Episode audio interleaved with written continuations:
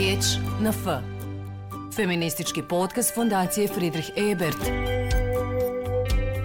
O aktuelnim temama do principa ravnopravnosti. Aktivizam, politika, obrazovanje, ekonomija, umjetnost, nauka, kultura. Riječ na F. Feministički podcast Fondacije Friedrich Ebert.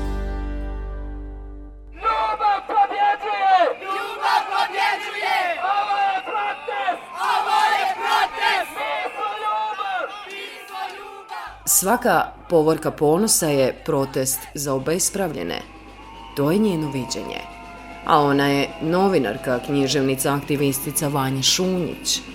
Još kaže, sve borbe u Bosni i Hercegovini danas su fragmentirane, a u paradi ponosa nazirem nadu za ovo društvo posebno izlaze žene, posebno izlaze rudari, posebno izlaze radnici i radnice, a nekako povorka ponosa nas sve ujedini i smatram da je to dobar put i dobar metod na koji način da gradimo savezništvo koje smo negdje ratovima 90-ih izgubili. Mi smo bili društvo koje je bilo socijalistički ustrojeno i svi smo znali šta je i savezništvo i solidarnost i neke zajedničke vrijednosti. Međutim, danas se to gubi, ali kroz povorku ponosa i kroz neke druge dobre aktivističke političke priče koje u Bosni i Hercegovini uglavnom pokreću žene, nekako smatram da postoji nada za ovo društvo.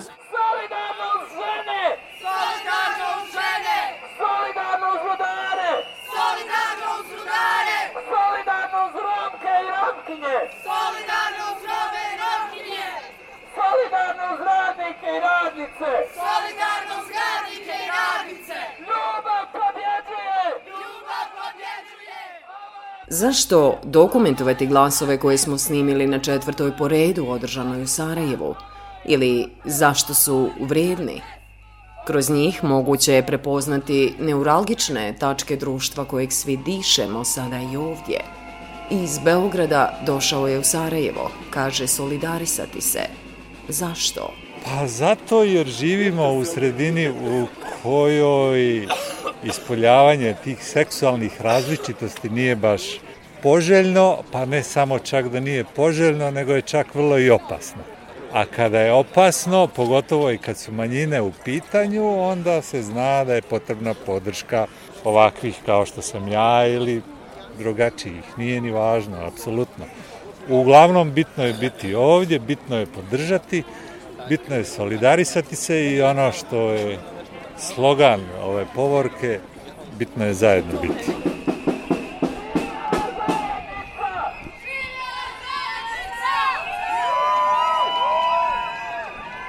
Savezništvo kao okvirna tema povorke ponosa. Ili tu smo, u još jednom izdanju podcasta Riječ na F. Ja sam Inis Baštolić. Različiti su načini putovanja kroz vreme. Sjećanja knjige, miris ili pak zvuk. Ovaj nas vodi u juli mjesec na ulici Sarajeva, dok prilazimo Lejli Huremović, članica je organizacijonog odbora parade. Postoje neke stvari koje se još uvijek nisu promijenile e, i to negdje zahtjevamo od prve povorke ponosa, a to je da se prije svega zakonski e, izjednači jeli, svi ljudi u Bosni i Hercegovini, pa tako i LGBTQ osobe, mi još uvijek nismo ravnopravni zakonski i to je prva stvar koju je krajnje vrijeme jel negdje da donesemo u državi, a sa druge strane jako je važno da se smanji nasilje koje postoji nad LGBTQ osobama, koje je prisutno u svim sferama, ne samo jeli, na ulici, ono je prisutno i u porodicama, poslovnoj sferi, bilo gdje zapravo gdje su LGBTQ osobe vidljive i out, one na neki način doživljavaju ili nasilje ili diskriminaciju. I to je razlog zašto zapravo LGBTQ osobe i ne žele da budu out, zato što se suočavaju sa ovim problemima. I to je nešto što mi zahtjevamo već pet godina eh, od institucija da negdje reaguju, da proaktivno radi na ovom pitanju.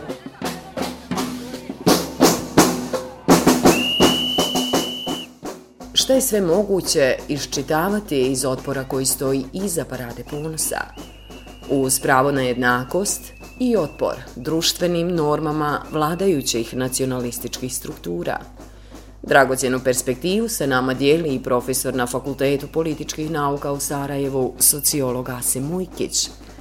Ako se ne držimo užeta ljudskih prava i sloboda, ova zemlja će nestati u identitetskim podjelama.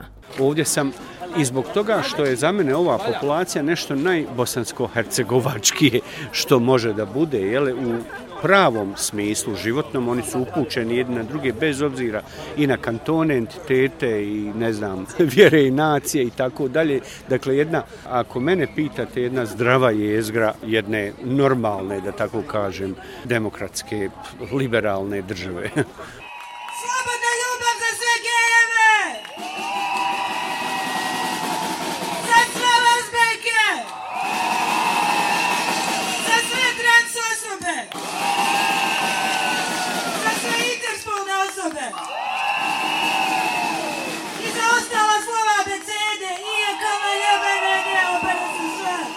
U šarenoj strukturi likova srećemo i dvije žene, dok čekamo da šetnja krene.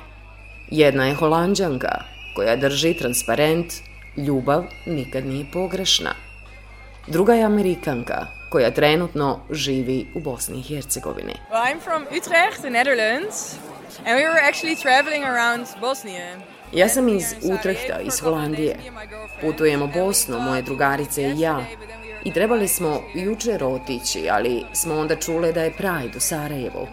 I onda smo shvatile, ok, moramo ostati podržati.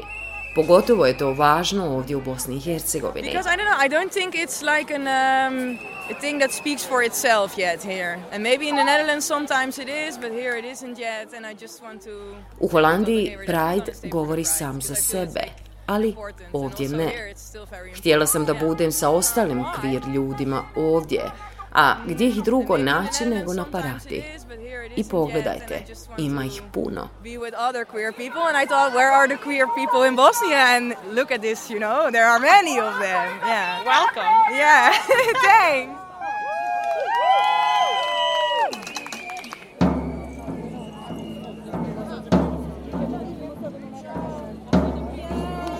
I am here in solidarity with the LGBTQI plus community. Ovdje sam iz solidarnosti sa LGBTQI plus zajednicom. Nastojim biti bolja saveznica svojim prijateljima i članovima porodice koji su dio ove zajednice. A šta mislite o pojedincima ili institucijama koji ne podržavaju ovu zajednicu? What do you recognize in the in not supporting LGBT here in society? If you're not supporting LGBTQI communities, then you're not for diversity. Ako ne podržavate ovu zajednicu, onda ne podržavate ni princip različitosti, inkluzije ili jednakopravnosti. Tako da, moja preporuka, podržite ljude zbog toga što jesu, identitet koji oni žele izraziti. I da, u pitanju je ljubav, ljubav prema ljudima.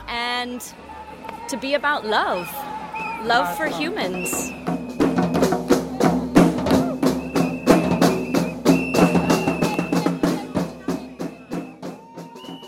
Koliko bi se sa ovom izjavom složila gradonačelnica Sarajeva Benjamina Karić? Ostaje dokumentovano da je odbila zahtjev organizatora parade da se vijećnica simbolično oboji duginim bojama. Građani i građanke, šta su iščitali iz ovog poteza? Znate šta, ne može se čitati jer je nepismeno. Nema šta da se čita, tamo, ovaj, tamo ne piše ništa, nažalost. I baš zato što ne piše, šalje poruku. Šalje jednu ovaj, vrlo intenzivno negativnu poruku. Meni je jako žao, on, ovaj, naša gradonačelnica je mlada žena, pripada jednoj partiji za koju se vjeruje, za koju se vjeruje da, da ima širok duh i toleranciju na sve i ovo je, ovo nije za, meni to nije za prepoštenje, ja sam previše stara da budem zaprepaštena, ali jeste ovaj, neprijatno uopšte pričati o tome. Čuli smo stav književnice Feride Duraković. Izdvajamo još glasove novinara, književnika i muzičara Ahmeda Burića, te književnika i profesora sa Akademije scenskih umjetnosti u Sarajevu, Almira Imširevića. Pa čitam da postoji zeleni SDP. Stvar je potpuno jasna. Ta partija, osim što nema kapacitet da se izbori sa svojim brojem glasova, ona nema kapacitet da se izbori sa idejom koja bi trebala zastupati progres. To je očigledno potpuno jedna pocijepana stvar kao što je naša javnost pocijepana, koja nema nikakvog pravca kojim bi djelovao i onda se sve svodi na to da li ću ja odlučiti o tome da li nešto može naplakati ili ne može. To su stvari duboko totalitarne, što znači da, što znači da ona ili oni, ko već, oni naprosto nisu shvatili da se vrijeme promijenilo. Njima bi neko trebao reći da je ovo 2023. godina i da se ponašaju u skladu sa tim uzusom. Reci mi šta čitaš u momentu što je gradonačelnica rekla ne na ovo? Šta ti vidiš i prepoznaješ u njenom stavu? Sad sam svima pričao o tome, bitno je ne prečutat njen stav, to jest nemanje ispravnog stava. Mislim da ovo nije pitanje ukusa. Gradonačelnica koja javno se zaklinje u priču o različitosti pokazuje kako ne zna apsolutno šta, ne, ne, ne zna definiciju različitosti. I ovdje, bilo bi najnormalnija stvar da je danas, ne samo danas, nama, nego svih ovih godina, da je pratila ove ljude, jer meni ta priča o različitim e, imenovanju nekoga samo LGBT potpuno višak. Ovdje mi govorimo o ljudima koji su naše komšije, naša djeca, naše sestre. I ako imamo problem s njima, imamo problem sa sobom. Meni drago, čerka me, ne danas, nego svih ovih godina je ona ta koja ne nagovara me, nego insistira na tome da zajedno do, do, dolazimo na svako od ovih povorki. Njena ideja je i natpis koji sad nosim. Free Dead Hugs. Free Dead Hugs. Besplatni zagrljaj. Jeste, i njen, njen rukopis i njena ideja. I susret s tim ljudima koji me zagrle, to je prva djevojka koja me prišla, koja imala potrebu da mi kaže kako nema oca, je mnogo važnije od činjenice da neko ispituje da li je djevojka, šta radi u ta sva četiri zida. Ona u ta sva četiri zida nema oca. Meni je to bitnije od ostalih. Riječ na F. Feministički podcast Fondacije Friedrich Ebert. Četvrtoj paradi je prethodio napad u Banja Luci. U martu mjesecu više nepoznatih osoba fizički i verbalno napalo je organizatore bosansko-hercegovačke povorke ponosa. I ovo pitanje je kontekstualizirano kroz održanu paradu. Insistiramo da se napad karakteriše kao zločin iz mržnje i da se napadači sankcionišu. Poručeno je. Napadnuta je i novinarka koju smo čuli na početku priče.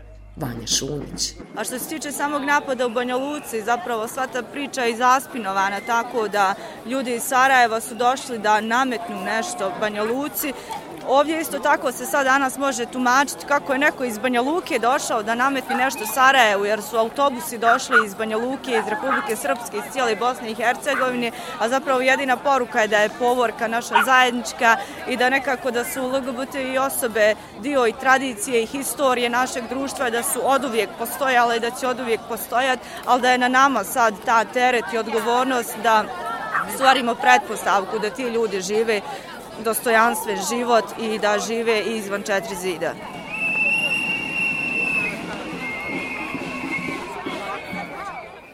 Da li ste jedan od onih koji deklarativno podržavaju paradu ponosa sa sigurne distance?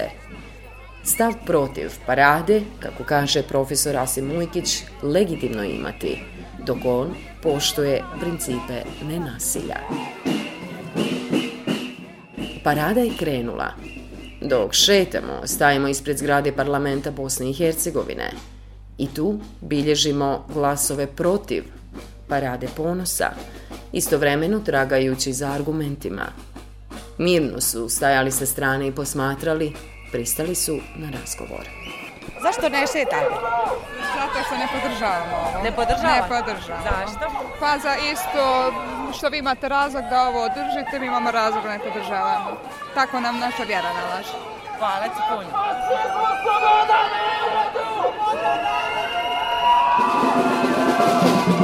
Stav je taj koliko se para potroši, da se potroši novca toliko da se čuvaju naša djeca, da se saobraćaj obezbedi, a ovo te bilioni potrošeni za obezbeđenje.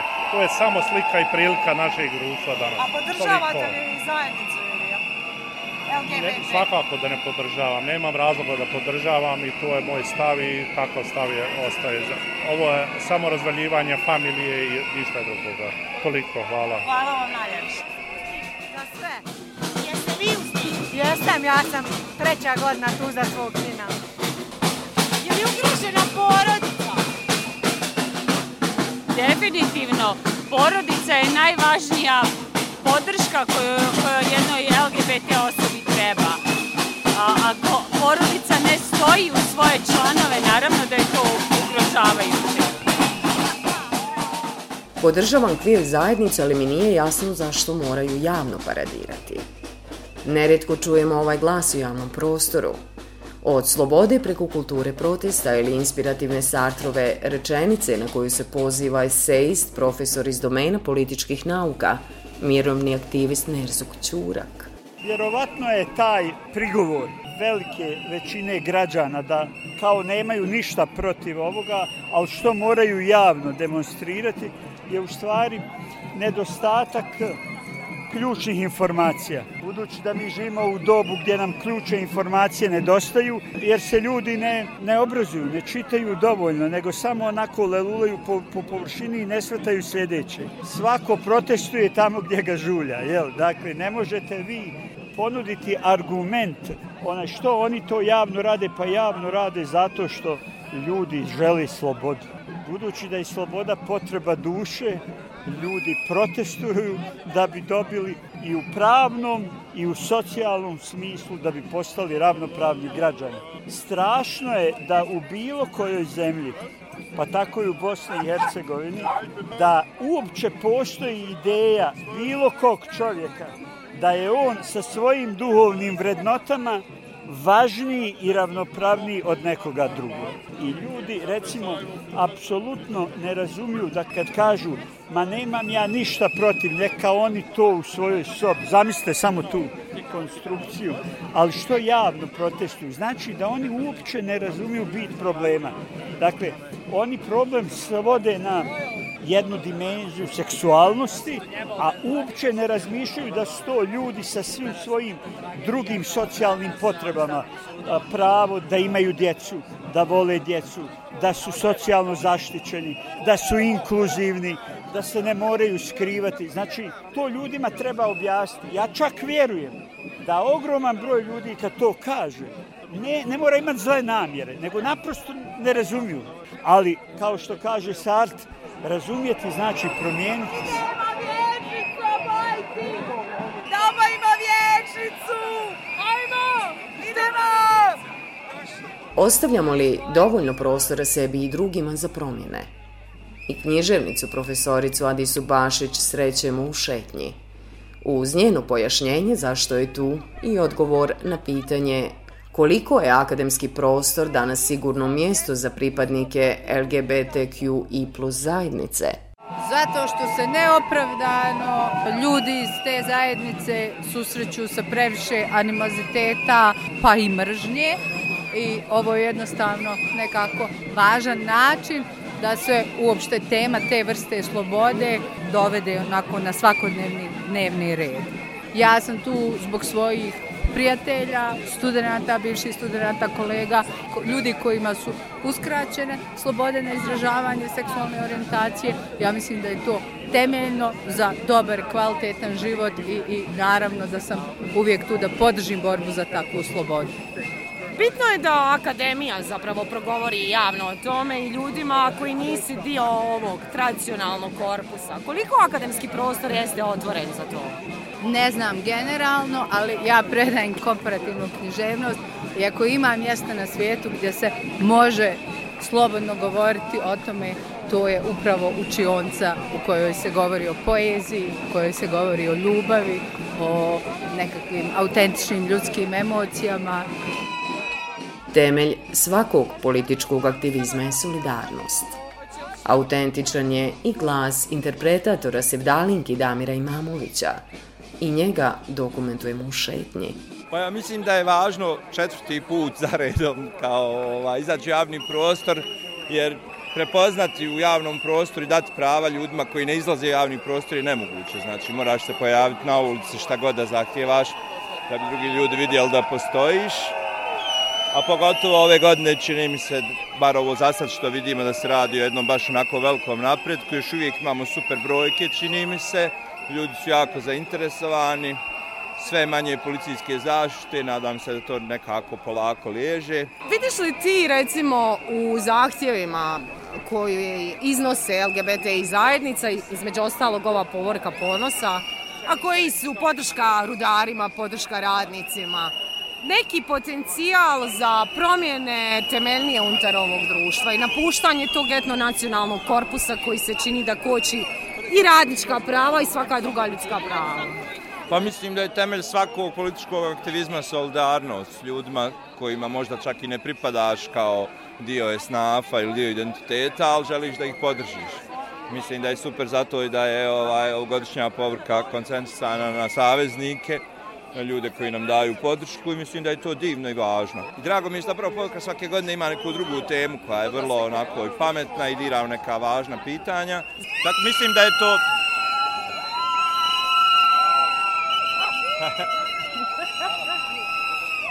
Tako, to je to, mislim, do prilike, da. Wow, ljudi, kakav Pride! Šetnja završava na trgu Susan Zontag ispred Narodnog pozorišta u Sarajevu.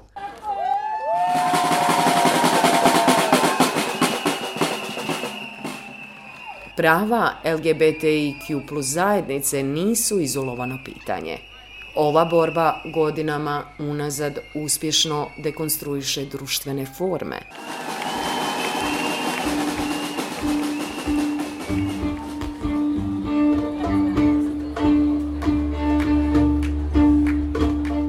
Od kulture protesta do slobode kao potrebe duše. Solidarnosti koja podrazumijeva i djelovanje. Isprećamo četvrtu po redu paradu ponosa održanu u Sarajevu. U nadi da smo oslikali neuralgične tačke koje tište ovo društvo. A ako stvari svedemo na pojedinca, vraćamo se citatu Jean-Paul Sartra, koji je izronio u ovom audio dokumentu, a kaže – Razumjeti znači mijenjati se.